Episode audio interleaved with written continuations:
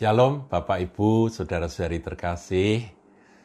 Salam damai sejahtera dari saya kepada Anda sekaliannya dan biar kiranya berkat-berkat dari tempat maha tinggi turun dan memenuhi kehidupan saudara senantiasa.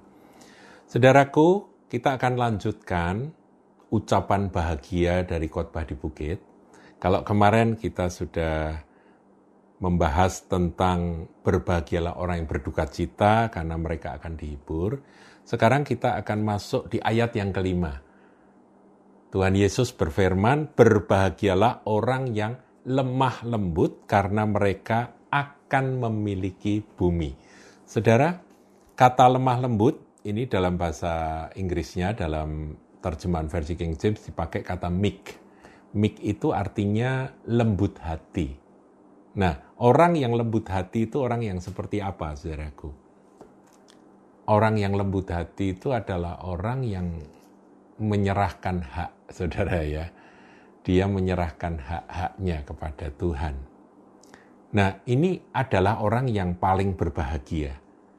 Karena orang yang lembut hati itulah yang nantinya akan memiliki atau mewarisi bumi bumi yang dimaksud ini tentunya bukan hanya bumi yang saat ini, tetapi dalam kerajaan seribu tahun, nanti orang-orang lembut hati ini akan ikut memerintah bersama dengan Kristus dalam kerajaan seribu tahun. Berbahagialah orang yang lemah lembut atau lembut hati, karena mereka akan memiliki bumi. Saudaraku, Tuhan Yesus itu adalah mighty conqueror. Dia adalah penakluk yang dahsyat, yang mighty, yang luar biasa perkasa. Dia adalah Allah perkasa El Gibor. Tetapi Tuhan berkata, ikutlah teladanku, belajarlah daripadaku, karena aku lemah lembut dan rendah hati. Jadi saudara kata lembut hati, lemah lembut itu lembut hati, rendah hati, itu merupakan sifatnya Tuhan yang menjadi persyaratan. Kalau kita nggak punya sifat itu, kita nggak akan bisa mewarisi bumi.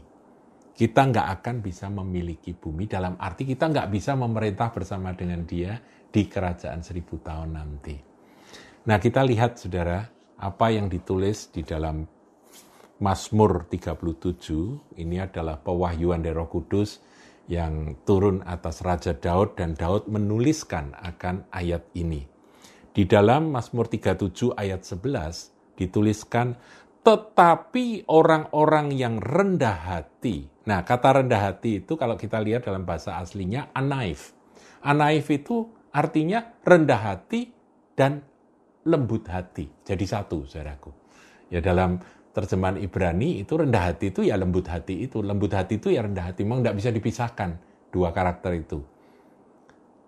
Jadi lembut hati dan rendah hati, lemah lembut dan rendah hati itu merupakan sifat yang harus kita miliki untuk kita ini bisa mewarisi negeri. Orang-orang yang rendah hati akan mewarisi negeri dan bergembira karena kesejahteraan yang berlimpah-limpah. Tadi dikatakan berbahagialah orang-orang yang lemah lembut, yang lembut hati. Saudara, kelemah lembutan ini harus kita kejar. Orang yang lembut hati itu tadi saya katakan dia orang yang menyerahkan hak-haknya sehingga dia menjadi seorang yang tidak sombong, tidak tinggi hati, dia teachable, dia mudah diajar rela menanggung kuk dan beban yang Tuhan Yesus pasang, dan percaya pada pengaturan Roh Kudus.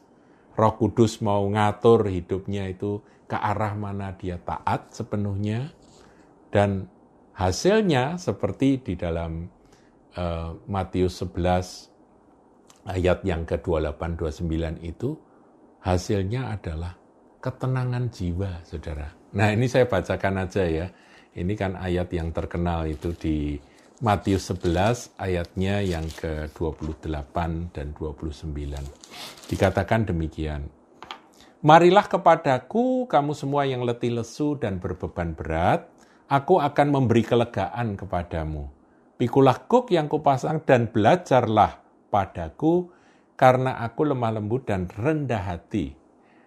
Dan jiwamu akan mendapat ketenangan. Saudaraku, kita berbahagia karena jiwa kita beroleh kedamaian, rest, istirahat, tenang, nggak gelisah, nggak bergejolak. Syaratnya apa? Lembut hati, rendah hati. Dan kita adalah orang-orang yang seperti itu. Ya, kalau kita memenuhi syarat seperti itu, maka kita adalah orang-orang yang akan memerintah bersama dengan Dia di dalam kerajaan seribu tahun nanti.